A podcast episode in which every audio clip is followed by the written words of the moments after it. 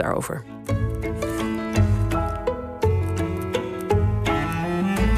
De column van Nelleke Noordervliet. We kijken steeds weer met andere ogen naar het verleden. De 17e eeuw was een gouden eeuw. Nou, nee, zo mooi was het echt niet voor iedereen. De Nederlandse vlag wapperde fier aan vreemde kust. Ho, ho, we waren uitbuiters en slavendrijvers, hè?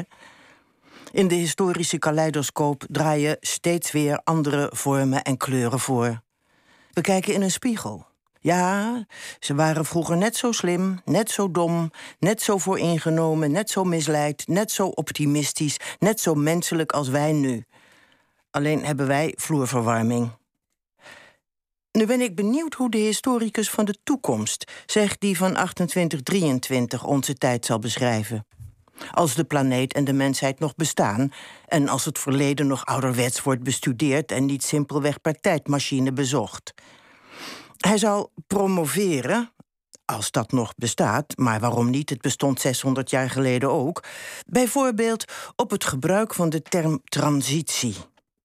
Er was een globaal idee over het doel van die verandering, ziet hij.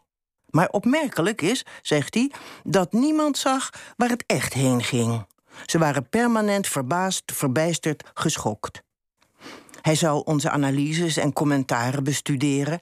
En wie weet in het corpus van contemporaine bronnen mijn columns voor de krant en voor OVT meenemen. En zich verwonderen over alles. Over onze opvattingen überhaupt.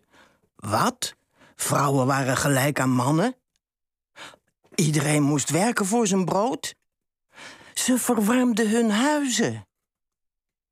En dan zal er ook een historicus zijn, een beetje een nerd, die echt een heel klein pieponderwerpje neemt om daaraan iets algemeens te demonstreren. Hij zal gedetailleerd inzoomen op de eerste helft van de 21ste eeuw. Ja, rare hobby, hè? zal hij zich verdedigen. Hij ontrukt een personage aan de totale vergetelheid waarin die is weggezakt en schrijft een studie over ene Geert Wilders, die heel korte tijd de dienst uitmaakte op een stukje grondgebied dat Nederland heette, en als een rattenvanger van Hamelen dat begrip wordt in een apart kadertje uitgelegd, een groot deel van de bevolking achter zich aankreeg, scheldend en schuimbekkend. En toen hij eenmaal volgens de toen geldende regels van de democratie, wordt in een apart kadertje uitgelegd, de baas werd van de regering, liep zijn revolte vast in bureaucratie, geldgebrek en incompetentie.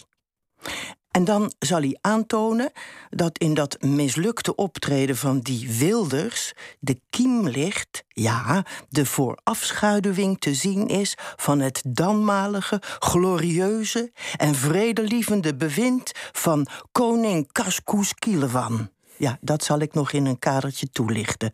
Wat een raar land is de toekomst toch. Dankjewel, Nelleke.